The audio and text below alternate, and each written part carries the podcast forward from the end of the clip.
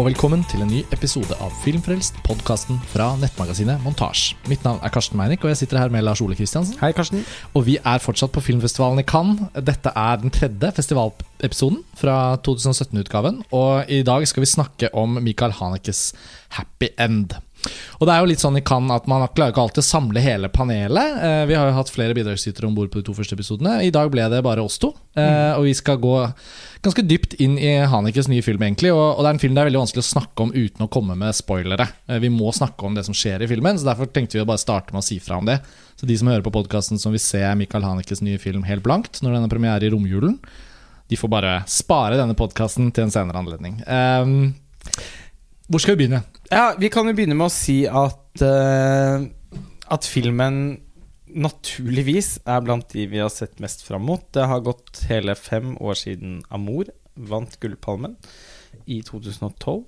Uh, eh, og Michael Haneke har hatt en sjelden sterk rekke med filmer uh, de siste 15 årene. Mm. Altså Pianolærerinnen Riktignok den uh, Time, of the Wolf, Time of the Wolf ja. som jeg ikke er så begeistret for. Men kanskje Litt unødvendig, men på en eller annen måte også litt interessant én-til-én-remake av Funny Games i USA. Mm.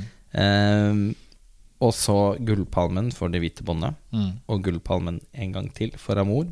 Mye av forhåndsbøssen altså, Eller en, en, av de tingene Det er jo en litt sånn tåpelig sport å sitte og liksom spå utfallene på Gullpalmen og priskandidater og den slags før man har sett filmene i programmet. Men likevel så har det vel vært noen tusen tweets mm. som eh, litt sånn freidig på forhånd har spådd at det blir Haneke den første som vinner tre gullpalmer på rad. Og når man sier det, så er det fordi man på en måte vet at Haneke har så enormt høyt stabilt, skyhøyt nivå. Og de små, min, litt mindre vellykkede eller litt mer sånn aparte tingene han har gjort, de vet man Altså sånn Remaken av Funny Games Det var heller ikke noe man gikk og gledet seg til i årevis og endelig fikk sett i kan. Det var mer sånn Jeg bare gjorde den. Og så mm, begynner jeg på mm, Det mm. hvite båndet, som er den egentlige etterfølgeren til Kanskje. Så Og nå har han jo laget en film som er eh, forhåndsomtalt å være en film på som, Ja, med et sedvanlig høyt ambisjonsnivå. Han har mm. brukt lang tid på den. Mm. Så skulle egentlig ha laget en film som heter Flashmob. Mm. Det rapporterte vi om på, på, på montasje og, og, gledet oss veldig til. Det hørtes mm. ut som et ekte liksom, sånn radikalt Haneke-prosjekt. Ja, faen, mer sånn Funny Games-typen. Sinnssykt synd at den ikke vasken. Men så kom denne Happy End på banen. da Og det er jo Isabelle Huppert i en av hovedrollene, og det er Jean-Louis Trintignant fra Amour. Sånn at han, man kjenner jo at stjernelaget til Hanek. Og hele Hanek-oppskriften ligger på bordet når yes. man uh, ser hva filmens rammeverk er. Uh, og så har Isabel Huppert sagt uh, på forhånd at for, når hun har blitt spurt hva slags modus er Hanek i denne gangen, er det, er, det, Ja, hvordan noe helt kan være som amor, det er ikke godt å si, men på en måte er, hvilken modus er han i? Mm. og da har jo hun sagt Eh, ukjent kode. Mm. Som jo er en av de mm. Og det nevnte du ikke i opp oppramsingen din i stad, faktisk. Så det er jo enda en film. For ja. jo, men det er jo så mange. Og vi snakket jo om det i går et, Vi snakket jo om det da vi diskuterte filmen rett etter visningen. For nå skal vi jo snart komme inn på, på vår reaksjon på Happy End. Men man, når man begynner å ramse opp hvor mange bra filmer han har laget, så blir det jo helt han er jo selvfølgelig en av de store mesterne i moderne film. Og, ja, men også liksom hvor mange når, ja, ja, som er helt sånn mesterverknivå. Ja, det er helt utrolig. Men for, Og også morsomt hvordan Haneke i løpet av de siste 15 årene har gått fra å være en sånn, eh, basically en sånn ekstrem og drøy kultfilmskaper mm, mm. til å bli en sånn Bergman-skikkelse mm. i europeisk film. Det er Det, det, det, gått, skifte. det gikk fort.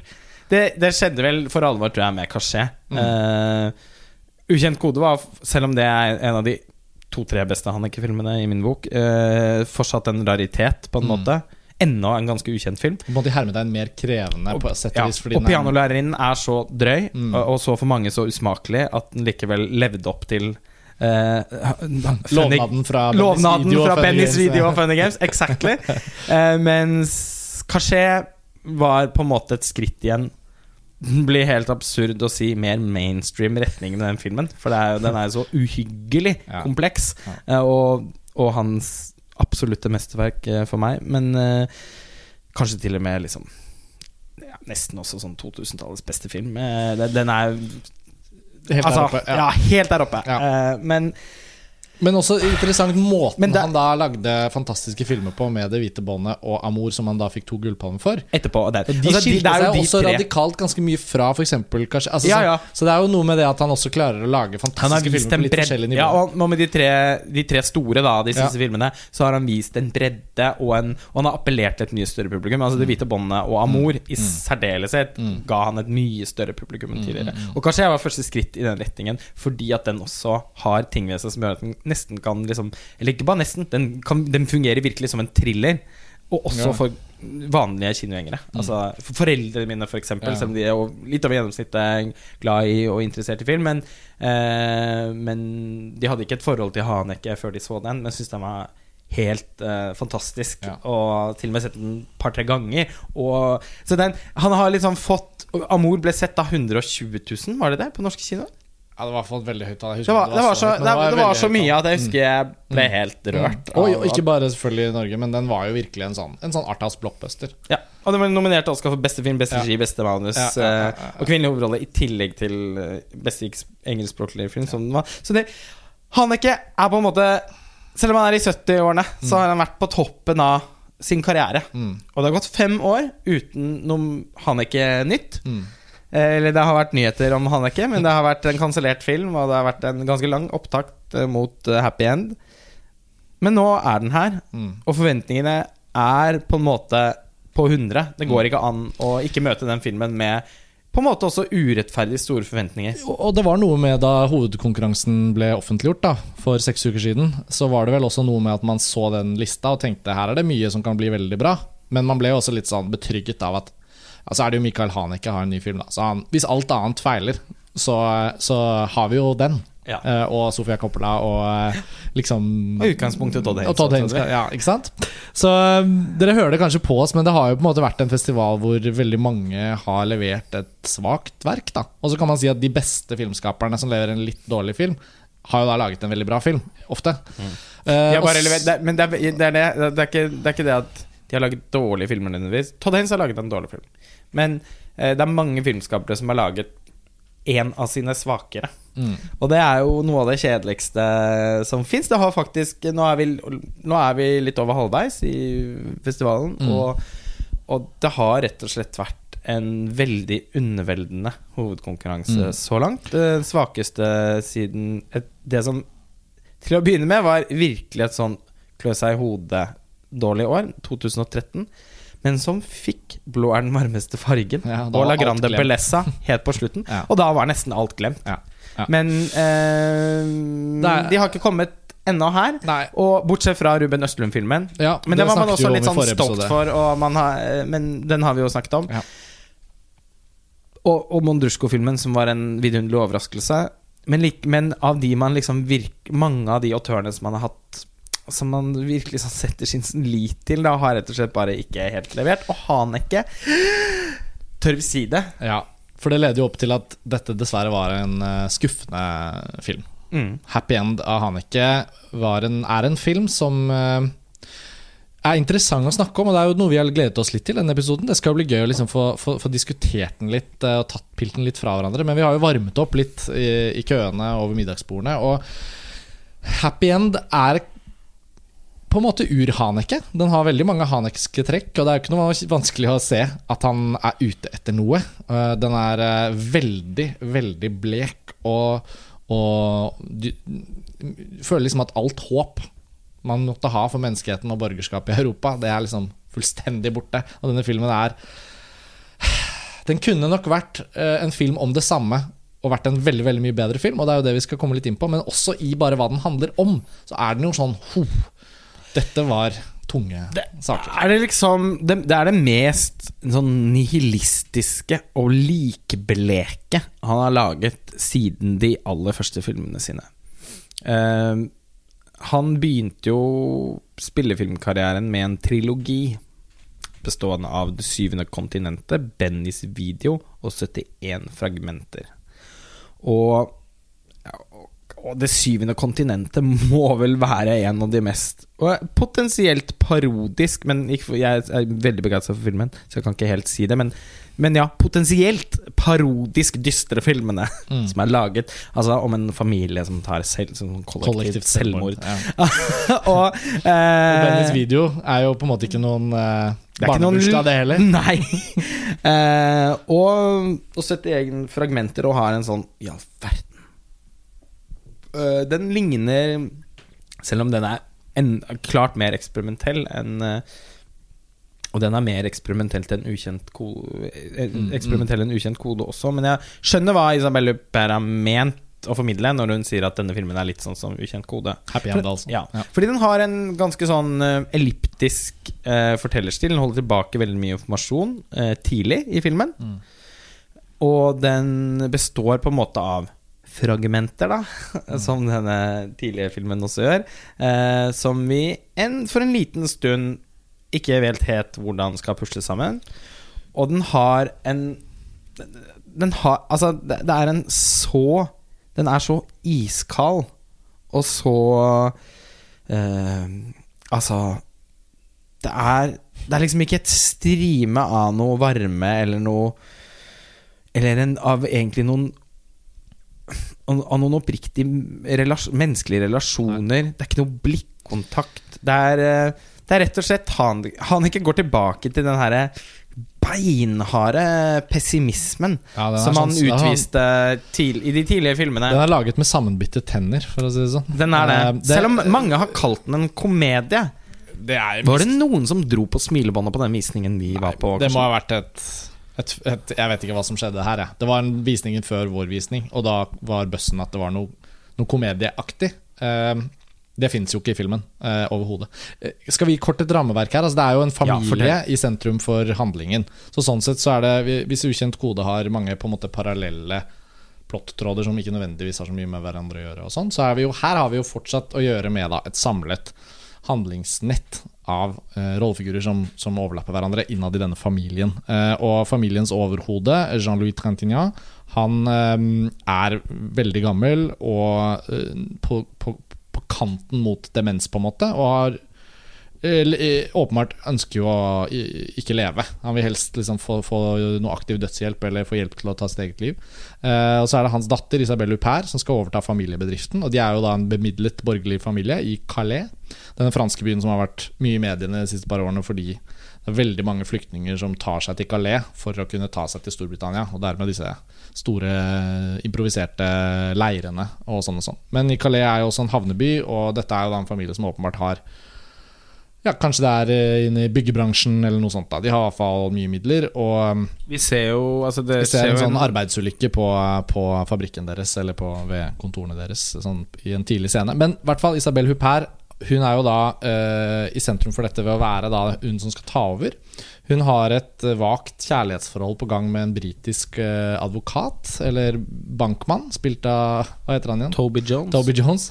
De er jo begge veldig lave, de to skuespillerne. Så det passet at de to er sammen, for da så ikke han så lav ut som han alltid pleier å gjøre. Nei. Men um, hun har da også en bror, spilt av Mathieu Kassovitz, som som eh, har en baby og en ny kone, men som også har en 13 år gammel datter fra et tidligere forhold. Eh, og denne 13 år gamle jenta er også en veldig sentral person i filmen. Og hun mister moren sin, som begår selvmord ved å ta piller, og hun... blir liksom tatt opp i familien til sin far. Men sånn... begår moren selvmord, er det ikke hun som tar livet av henne, da? Ja, det får vi diskutere. Jeg leste det som at hun, begår hun Fordi filmen selvmord. begynner med ja. Ja, da kan vi, vi, kan starte der. Kan starte der. Ja. Filmen begynner med veldig lovende start, selv om det er noe litt sånn clunky Det var det du som påpekte i en samtale her om dagen, kanskje, ja. den, eller for et par dager siden, at den har en litt sånn klump... Eller altså at den Overtydelig eksposisjon. Ja. ja. Altså Eksposisjonen er på en måte så så tydelig plantet at det egentlig er litt uelegant. Men altså, det er et, eh, et eh, oppreist Men, mobilkamera, basically, da som vi får se midt på lerretet. Det er jo store, flotte kinolerreter her i Cannes. Og midt på lerretet, i sånn oppreist videofunksjon som smarttelefonene våre har, så er det da, får vi se da liksom interfacen til et mobilkamera som filmer og en chatter. person. Ja, og chatter. Ja, så det er sånt løpende chat-tråd over skjermen. Flum. Og så ser vi da en person i bakgrunnen, og det er da moren til den. Det er hun 13 år gamle jenta som filmer, og, og skriver inn sånne eh, beskrivelser i chat-vinduet. på en måte da Og det er tre-fire scener, tror jeg, før vi ja, Først er det bare moren som puster tennene og litt sånn. Eh, så filmer hun hamsteren sin, og den, mens hun gjør det, så forteller hun at moren er helt jævlig, og hun hold, at hun snart ikke holder ut mer. Og at faren hennes har bare for lengst Han har jo forlatt ekteskapet, men altså for lengst også bare mm. klarer ikke å møte det med noe annet enn apati. Så hun føler, hun føler, at alt det som er galt med morens psykiske sykdom, mm. bare går utover henne. Mm. Og at hun eh, tar, hun tar de pillene som moren har, og baker inn i maten til hamsteren sin, som hun åpenbart heller ikke har noe, har noe bankende hjerte for. Mm. Så vi får se at hamsteren stivner til og dør. Mm. eh, og så forteller hun vel egentlig at hun har gitt moren en sånn cocktail med piller. Mens moren legger seg på Hun filmer at moren legger seg på en sofa mm. for å ta sine liksom, siste ja. Jeg registrerte ikke at det var hun jenta, men det er jo gøy. Men det er, litt, det er, litt det er en film som vi har snakket om. Det er ikke mange av de filmene vi har sett i Cannes i år som vi har umiddelbart lyst til å se igjen. Eh, og selv om jeg føler meg trygg på at denne Hanneke-filmen fortsatt har mange av de svakhetene vi kommer til å påpeke, og er i gang med å påpeke, så er det en film man har veldig lyst til å se igjen. Helt klart Litt for å på en måte bare forstå eh, sammen, sammensetningen av elementer. Mm. Men ja, sånn som dette, da. Dette gikk meg litt hus forbi. Jeg fikk i større grad med meg at hun senere forteller til bestefaren sin at hun hadde forgiftet en eh, jente hun ikke likte, på sånn mm. Eh, leirskole. Med, også, med, sånne piller som Og hun prøver også å ta livet av seg selv med pillene. Ja. Men, men jeg Altså, det var definitivt sånn jeg oppfattet at hun tok livet av moren sin. Og på mange måter kan man si at dette er et eksempel på en av de liksom mer sånn eh, Hvis man kan si, da eh, menneske... Gjenkjennelige menneskelige tematiske tingene i filmen, som er at det handler jo veldig mye om familie og hva som nedarves fra generasjon til generasjon. Og det man kan si her, er at liksom de yngste i filmen er et destillat av all den kulden og is Altså sånn kjærlighetsløse eh, eh, personlighetstrekkene til de eldre. Mm. Man kan si at liksom Trintignant har gitt sitt til Huper, som er blitt ganske kald. Og hennes sønn igjen er jo nærmest som filmens bad guy. En fyr eh, Slags som har mista det helt. Phoenix. Ja, en, sønnen hennes, da, som spilles av en skuespiller med hareskår, men det er også åpenbart intendert at han sønnen er en litt sånn taper. Eh, det blir noe litt sånn shakespeariansk over det også. At han, liksom bare, han, han strever med å få anerkjennelse av sine foreldre, men han klarer aldri å gjøre det riktige.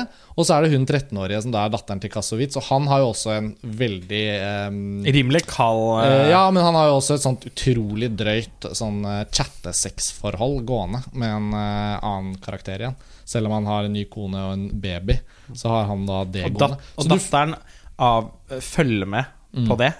Eh, så hun vet at han heller egentlig ikke elsker sin nye kone og sitt nye barn. Så alle liksom sporene av bare kjærlighetsløs, uh, nihilistisk væremåte har liksom bare destillert seg nedover i generasjonen. Og de yngste personene i filmen er vel de som bare på en eller annen måte ender opp med å oppføre seg aller, aller verst. da ja, altså Denne 13 år gamle jenta er på en måte ondskapens sentrum i filmen. Mm. Det, er, er jo det er et kjempeinteressant utgangspunkt. Ja, og, du, og Det hvite båndet er jo en Friskt film man kan i minne. Ja, jeg syns man må i hvert fall huske på den. da Eller Bennys video, for den saks Ja, men det er, jo, det er, jo, de to på en måte egentlig viktigste Og Det syvende kontinentet. Men det blir på en måte de viktigste referansene til denne filmen. Mm.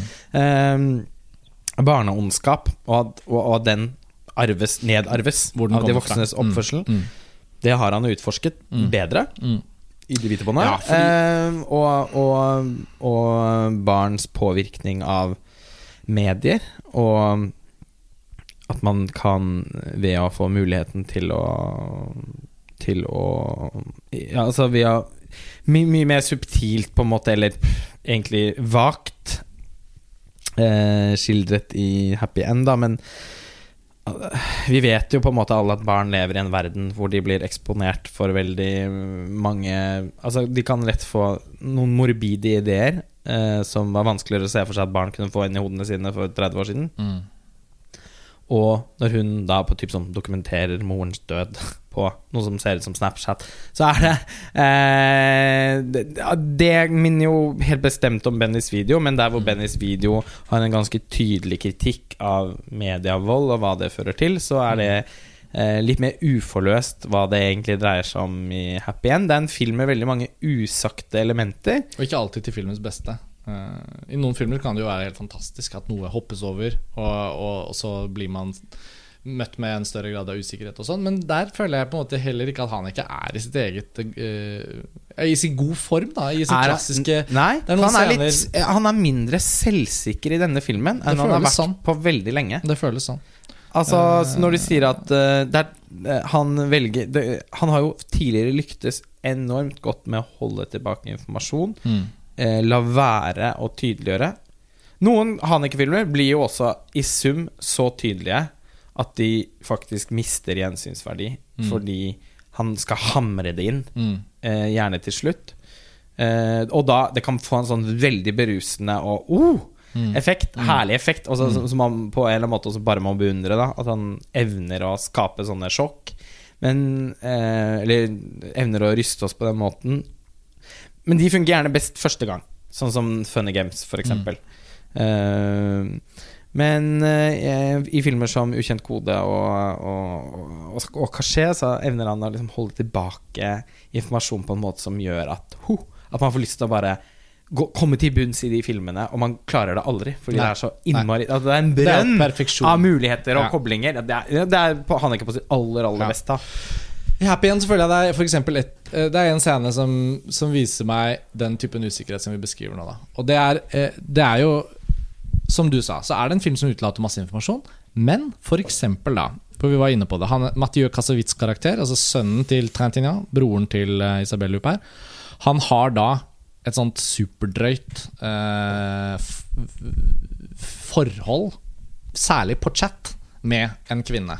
Og vi ser jo at han, har, han er som sagt nygift og har en baby og sånn. Ser åpenbart fornøyd ut. Er doktor, jobber som doktor på sykehuset og sånn.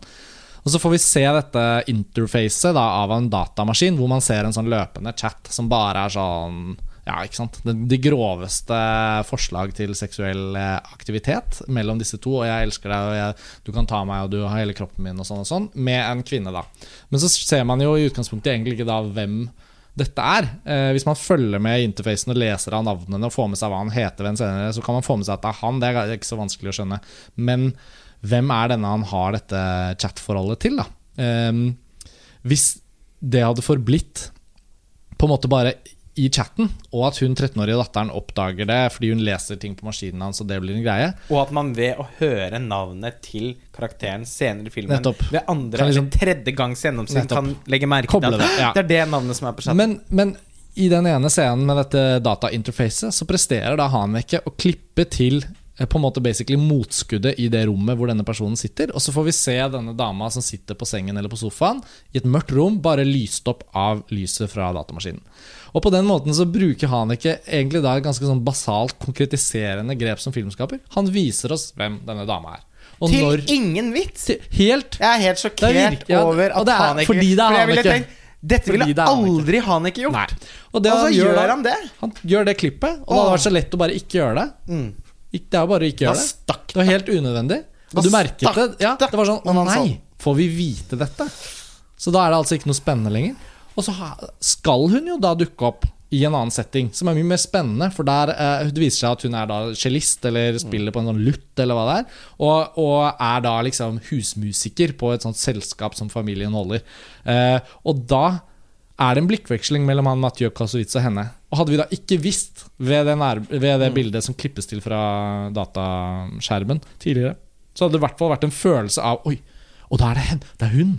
Og ikke det at det i seg selv hadde Nei, bitte dødsspennende heller. Nei, nei. Men det ville i hvert fall blitt bedre. Ja. Eh, Og det, og det er en det veldig, blir sånn avslørende. banalt, jeg. Og for, han, når man kjenner sin Haneke, så følte jeg det var bare sånn Å nei! ja. Og det er et eksempel som også gjelder mange andre steder i filmen. Men dette er det mest konkrete, syns jeg. da Det er det. Er Som, det. eh, Det, er det, det, det, det, var- det var det som virkelig stakk. Mm. Altså, hvor jeg føler at han ikke skjelver på hånden. Fordi filmen er så eh, Den er såpass kompromissløs ganske lenge. Den er så møysommelig og langsomt bygd opp Mm. at den er helt avhengig av en iskald presisjon for å komme i land. Og veldig lenge sitter jeg og tenker at dette her kan bli noe virkelig stort. Mm. Uh, det er et par helt fantastiske scener. Et par, altså det er, film Altså, det er, det er mange ting som er veldig bra her. Hun jenta er fantastisk bra. Hun, altså Burde være en kandidat til prisen for beste kvinnelige hovedrolle og, her nede. Og, og, like bra castet som de barna i De hvite båndene. Da ja. tror jeg alle skjønner hva vi mener. Det er et sånt ansikt som du bare tenker Åh. Hun fikk jeg det skilsa. av. Ja. Uh, Men også det, litt sympati for. Ja, det er en veldig nydelig scene med henne og bestefaren. Ja. Tarantina hvor, hvor, man forstår henne på en måte mye bedre ut fra et sånt mellommenneskelig Det var en av de bedre scenene. Hun, hun har en sånn indre, sånn indre død i øynene som er skremmende. Jeg, bare sånn Når hun skal da tilbyr seg å takke ja til å ta vare passe på babyen mm. til ja. den nye stemoren sin og sånn. Følte deg ikke trygg på Nei, Da så jeg for meg at oh, nå kommer den kjempedrøye Hanneke-sangen hvor hun bare slipper den ut av vinduet eller noe sånt. Kom ikke da. Mm. Eh, men eh, hun men hun er kjempebra. Jean-Louis Trintignat også veldig, veldig god. Han spiller en beskere utgave av seg selv i Amour. Mm. Eh, og alle heter jo George og Anne Laurent, som ja. alltid. I, i Bergman har sin Vergerus. Eh, ja. og, og, og det er ikke sikkert alle har fått med seg det, men det er, jo, det er jo tilfellet at Haneke yes. har gitt de samme rollefigurnavnene til uh, flere det går igjen i film etter film. Mm. Eh, og hadde det ikke vært for at uh, At det uh, i og for seg er ganske tydelig at Trantignan tar sitt eget liv på slutten av Amor, mm. så kunne man nesten på et eller annet tidspunkt tenkt at oi, er dette, er dette Hannekes split? Ja. det viste seg egentlig I sluttscenen skjønner vi at det er en oppfølging. Fordi Isabel Huppert er jo datteren uh, ja, ja, hans i Amor. Men ja da, nei, men det er bare en flåste morsomhet. Men han, Tintina, utrolig bra. Og og, og, også veldig ganske sånn vemmelig karakter. Og mm. Han likte scener, jeg veldig godt. Ja, samme her. Egentlig og alle scener med Huberts karakter. Huberts karakter følte jeg aldri at vi kom nok inn på. Det er en sånn helt sånn by the numbers Hubert-rolle. Ja, og når vi har sett henne sånn svimlende genialt god som vi så henne i L ja. Og egentlig også i Dagen i morgen, ja, på mange måter. Så føles det litt som en sånn second rate uh, Uper. Ikke fra hennes side, Nei, men at rollefiguren er ikke posisjonen hennes i filmen gir henne ikke rom til å være så briljant som hun Nei, kan. Hun gjorde, faktisk, på en måte, hun gjorde faktisk mer inntrykk av mor enn her. Ja. Og det er jo også en, på en måte en ganske sånn ja. liten rolle i den filmen. Uh, men Tratinia og jenta Dødsbra. Scene de har sammen, fantastisk bra. Mm. Uh, jeg syns også han sønnen eh, til Hubert er god. Mm. Han Litt Joaquin Phoenix-aktige. Ja. Det er ikke bare pga. det hardskåret men fordi nei, nei, men det er han er sånn hele svart. intensiteten. Ja, hele, mørk under øynene. Mørk under øynene mm. Mørke, blek hud, mm. Eh, mm. mørkt hår. Men liksom fysisk uggen sånn, tilstedeværelse. Ja. Du føler liksom at han har mye vold i kroppen som ikke er blitt Jeg tenkte på Lucius i Gladiator. Ja, ja, ja. Det er veldig han, da. Og også måten han veldig. er på i film. Altså, ja, ja ta over familiebedriften. Det er jo basically det samme. Jo, men det var så likt at uh, det var nesten umulig for meg ikke å tenke på det.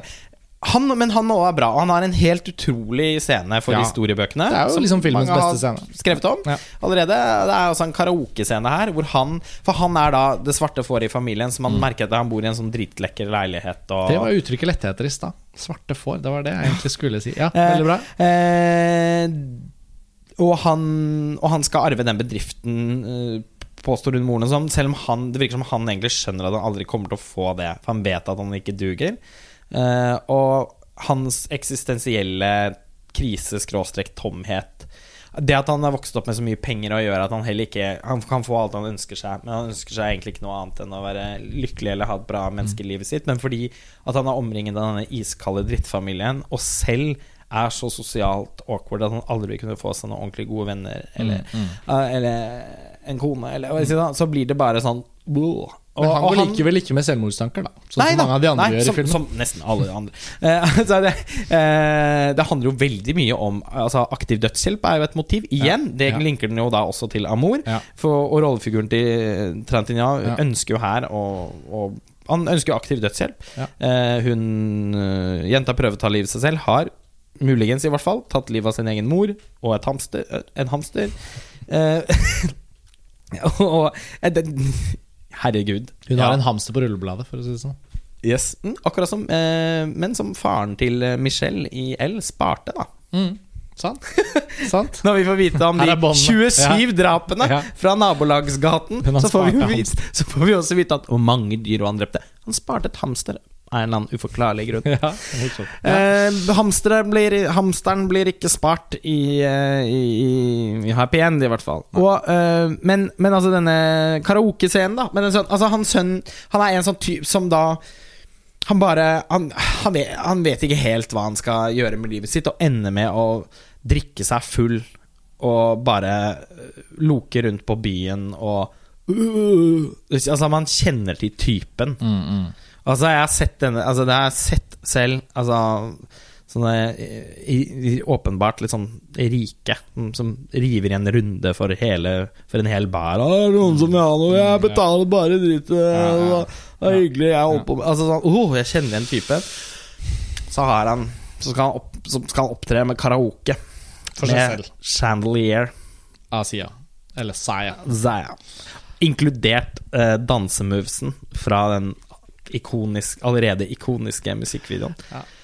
Huh, det, Ja. det blir ikke mørkere enn når man går Nei. i kjelleren. Nei, det var veldig Det var det- og bekmørkt! Men den var så bra at den også var Den var også sånn at den var så bra at den varte for kort, på en måte.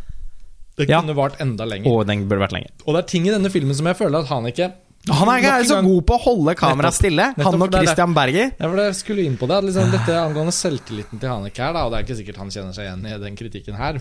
Kanskje han følte seg veldig trygg og har laget akkurat den filmen han ville. Men likevel, man merker det. Jeg skulle ønske flere steder i filmen at når han først er lander noe skikkelig, så er det så synd at han avslutter det raskere enn man skulle tro. da ja, Skulle man- vært to minutter til. ja, ønsker seg sin han Haneke. Den karaokescenen burde vart til det punktet hvor man lurer på Skal den bare vare. ja. vare vare. Oh, ja. At det burde vært sånn at det transcenderer vår opplevelse av å se på den, til at man bare Nei, det kan ikke bare vare videre. Jo, det gjør det. Han bare danser og synger og Sånn som sjimpansescenen Altså, sånn at- i, i The Square til Ja, Rune Østlund. ja. Som aldri tok slutt. Nettopp. Og så burde det på sett og vis vært mye mer i den grad at liksom til og med hvis sangen er ferdig og sånn, at, man bare, at han bare står apatisk på scenen. Eller sånn, Det burde vart lenger, rett og slett. Og det samme mener jeg med filmens sluttbilde. Uh, vi spoiler jo, så det er jo greit å snakke om. Uh, Vi kan kanskje snakke om filmens slutt før sluttbildet. Ja, det kan vi gjøre. Men da kan jeg bare kort si at filmens sluttbilde er i samme kaliber. Hvor du tenker sånn Dette bildet burde bare stå og gå lenge. Sånn at vi fylles av ubehag og tenker sånn er, Nå er vel filmen slutt? Nå er den vel slutt? Og så bare fortsetter og fortsetter. Og det gjør han ikke. Og jeg syns det reduserer på en måte da ladningen i denne filmen underveis. For den har jo mange veldig bra scener. Ikke sant? Så det er jo ikke sånn at den ikke kunne vært enda noen hakk bedre ved ganske enkle filmatiske grep. Da. Ja, det, altså eh, det er rart å si om Haneke. Det er rart å si om han ikke, fordi Og jo, han har jo selv varslet at eh, flyktningkrisen er et bakteppe. Terror har han nevnt. Eh, jeg syns det Nei. blir veldig påståelig. Og det er jo ikke egentlig i filmen. Det er toucher det. innom filmen på noen små scener. Ikke, det er ikke noe mer enn det du sa innledningsvis. Nei, Og det er ikke et spesielt skjelvende bak... Eller det er ikke et bakteppe som Som gjør noe med fortellingen, eller som Nei.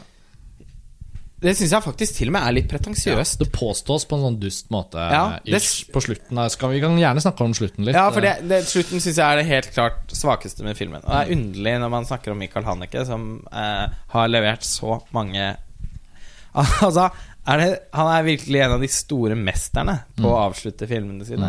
Slutten i pianolæreren, oh Ja, altså, slutten i 'Amor'. slutten i kasjé. slutten i kasjé. Altså Snakk om et bilde! Apropos slutten i 'Kasjé', da.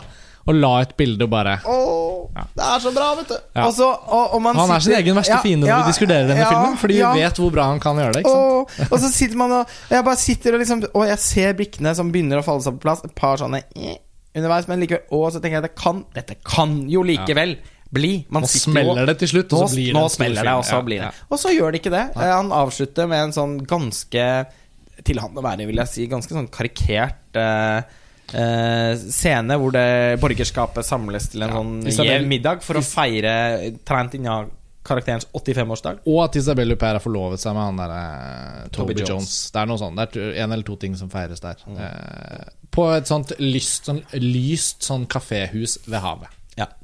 Det, altså Ja. Et av, et av promobildene fra filmen er til og med det. Den Det er derfra. Så det er sluttscenen. og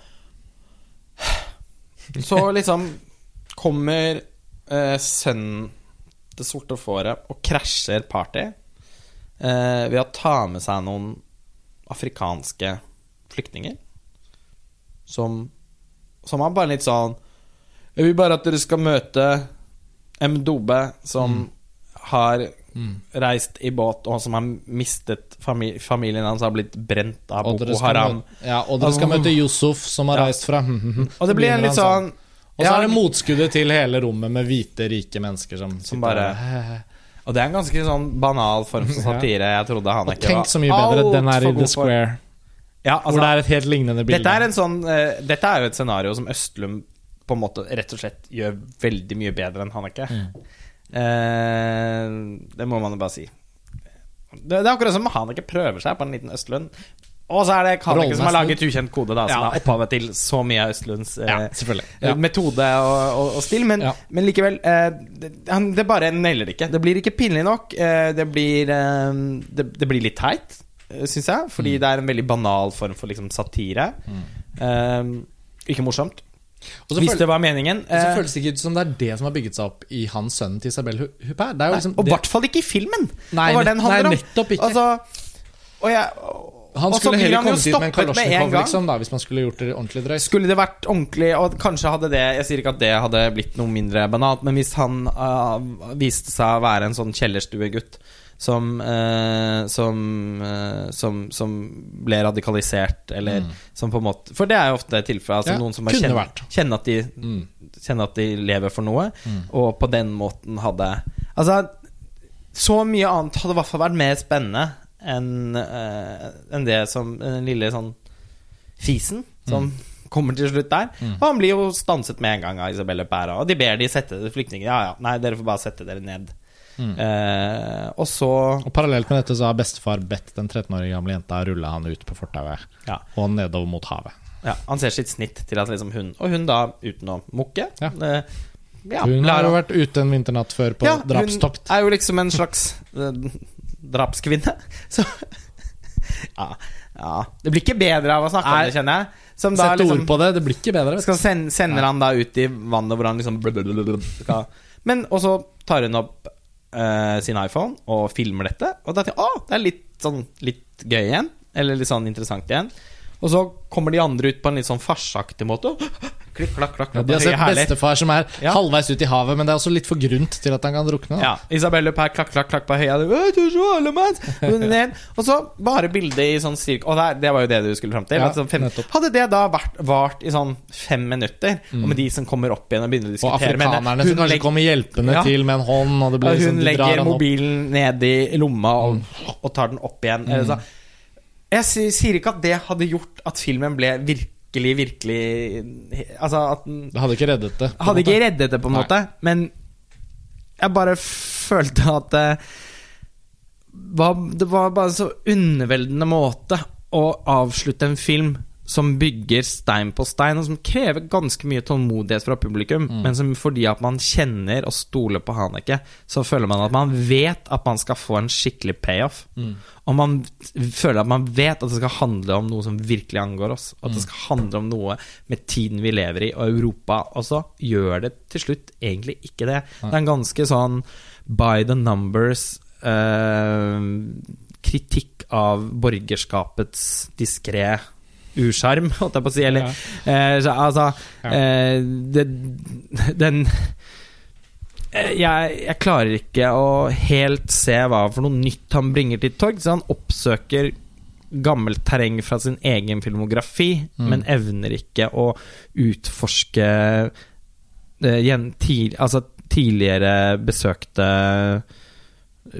steder, holdt jeg på å si, eller motiver, på en mer interessant måte enn tidligere. Heller tvert imot. Det er noe av det samme problemet som jeg synes Noah Baumbach har i sin film her nede. The Meyerowitz Stories. Eh, som vi ikke skal snakke om nå. Men der er det også en sånn følelse at han reshuffler liksom mye av de greiene han har gjort bedre i andre filmer. Og så har han samla et stjernelag, og så møtes de til å lage Det film. minnet jo liksom. særlig om The Squeen and the Whale. Og det var liksom ikke to armer av squiden engang. Nei, I nei, forhold nei, nei. til Og det er veldig leit å si om Haneke, men du har rett. Jeg er helt enig her at uh, på en måte hvis du da skulle nå Si vi spoler noen år frem i tid, da og man skal gi noen Haneke-anbefalinger til en som ikke har fått satt seg inn i hans filmer, en ung, ny filminteressert, på en måte, så er det jo liksom ikke happy end. Det ville kommet veldig langt ned på listen. Den er jo på en måte kanskje Hanekes er, jeg Man må kanskje ta det fra bunnen og opp, på en måte for å Ja. finne en plass til den. Og det er veldig leit å slå fast, men jeg tror vi kommer til å ha rett i dette også. Jeg er usikker på om den kommer til å virkelig heve seg ved gjensyn. Men man kan kanskje få litt mer forståelse for at filmens liksom, ideer og struktur er lagt opp som det er. Og man kan kose seg med de mange tingene som er. Fordi, altså, nå, Jeg vil på en måte avrunde på en litt mer positiv måte, fordi selv om det er en skuffelse fordi man forventer et nytt mest Eller og forventer og håper på, drømmer om, et nytt uh, Haneke-mesterverk, Ja. så, eh, så er det på mange måter også en veldig god film. Altså, den, den har noen uforglemmelige bilder og scener, og den er, er veldig godt spilt. Og Christian Berger sitt kameraarbeid er eh, altså helt utsøkt, eh, som alltid. Og den, og den har en ganske uttrykksfulle lyssettinger og sånn, selv med i sånn, sin sånn hypercrisp digitale look. Så måtte minner den jo en del om The Square. Mm. Så de har jo begge Han har jo, Mm. han har jo tatt Hanekes crisp look, Mm. eh, som for alvor ble introdusert egentlig i eh, Cachet. Mm. Første digitalt fotograferte filmen hans. Um, men eh, så, så det er på en måte Det er mye å Altså det er på en måte en del å hente og glede seg over og snakke om for Haneke-fansen. Så det er ikke noe poeng i å liksom gjøre det verre enn det er. Men fordi at han har laget så mange gode filmer, så er det på en måte bare Ja, ja, Time of the Wolf, som jeg syns er oppriktig mislykket. 71 fragmenter som jeg kanskje syns er for fragmentert for sitt eget beste. Og Funny Games-remaken blir så uinteressant at den på en måte også må plassere seg under denne filmen. Men, Mm. men jeg, jeg tror ikke jeg har så mange jeg, jeg kommer ikke noe lenger. Nei. Jeg har ikke Nei, mer å gi. jeg, jeg føyer meg til det. Nå har ikke jeg sett alle de eh, filmene til Annike. Ikke Time of the Wolf, blant annet, og ikke et par av de første. Men eh, nei, jeg må si meg enig. Og vel, vi får kanskje oppsummere der, men, eh, men eh, filmen skal jo på norske kinoer, og det er jo riktig, tenker jeg, fordi han er en Ja. viktig, viktig Nei, regissør. en Og vi må ikke, det må ikke komme dit heller. Nei, nei. Så, en så, selvsagt film å se på. men Og sagt, eh, altså I for, det er fortsatt La det være sagt. Ja. Vi, uff, vi må dessverre sikkert gjerne mer om det i Ja. senere podkaster òg, men Ja. det, er ikke noe, det er ikke noe god årgang i Cannes. Det er veldig mange Vi var inne Så på du det mener den er en av de bedre i hovedkonkurransen? Jeg mener det. Ja. Og det sier På jo tross av mye. og Ja. på grunn av, holdt jeg på å si. Den, den er like fullt Men, eh, helt klart en av de bedre i hovedkonkurransen. Men Arta skal jo lansere den, og de har valgt å klinke til med romjulspremiere på sånn verdens blekeste og leieste film. Men det, ja. Jeg tipper at de skal spille på at det er en slags familie og noe sånn Man ser at det er noen selskaper, Ja. og at den slags Fra kan- regissøren av Amor. ja. Ja, ja. At man ja. Med det promobildet og liksom Ja. Haneke Eller sånn Haneke dreper julestemningen i At det kan bli litt sånn derre Ja, vi skal gå Vi til får den se, nye men det blir Ja. Det blir ikke 120 000 på Happy End. Nei, dette Ja, nei. Men det trenger vi ikke å egentlig holde på så voldsomt mye med. Men det er i hvert fall utrolig hvor eh, Hvor lite um, Den her suger litt livet ut av deg, på en måte, også, denne filmen. Men det er en, men, og det er noe av det som er bra med den nå, da. Ja, ja Altså sånn- ja, men nå mente jeg det ikke som en kritikk, Nei. men mer som hva slags type film det er. ja det, det, det er en, men det er en markant smalere film, rett Mm. og slett, enn uh, også. Enn de en, en både Hvite bånda, mor og, og Cachet. Så den Og det gjør jo igjen at den liksom faller litt mellom to stoler, i Han Haneke-filmografimessig sett. Men vi kan ikke gjøre Jeg, jeg føler meg forpliktet til å si at eh, for de av dere særlig som hører på denne podkasten i forbindelse med at filmen settes opp på norsk kino, Mm. eh, så vil jeg for all del anbefale å se filmen. Ja. Uh, det er så, såpass mye mer interessant å snakke om. Og Og, på en måte plukke fra hverandre. Og når romjulen kommer, er det kanskje en av de beste filmene på kino. Sannsynligvis. Ja. Så det, Vi får jo avslutte der, da, Vi er, sånn vi er sinnssykt strenge med Haneke, Ja, fordi han er den beste studenten i klassen. Ja, ja. Og, eller han er læreren, og han er professoren ved kateteret. Og vi bare sitter i auditoriet. Ja. Så eh, det Han litt dårlig da, og på, litt slapp forelesning. Litt slapp forelesning. Men vi har, altså, ærefrykten og, på en måte, og respekten for Haneke er så stor at uh, vi nok skal forsøke å få sett denne filmen en gang til. Innen festivalens Ja. slutt. Det er det er noen reprisevisninger av den som vi har ja. siktet oss ut. Og vi lover å Det blir ikke noe ekstra podkast pga. det, men vi skal love å melde fra i sosiale, i sosiale medier, i hvert fall, om Ja. vi skulle Om vi skulle måtte ta oss litt i deler av denne kritikken ved gjensyn. Absolutt. Ingen, in, intet er umulig. Men det var det for denne gang. Dette er den tredje festivalepisoden fra Cannes. Det kommer flere. Takk for at dere hører på Filmfrelst. Vi er eh, snart tilbake igjen med nye diskusjoner om en litt skuffende årgang av Cannes. 2017-årgangen, altså. Ha det bra, og takk for denne gang. Adjø. Adjø.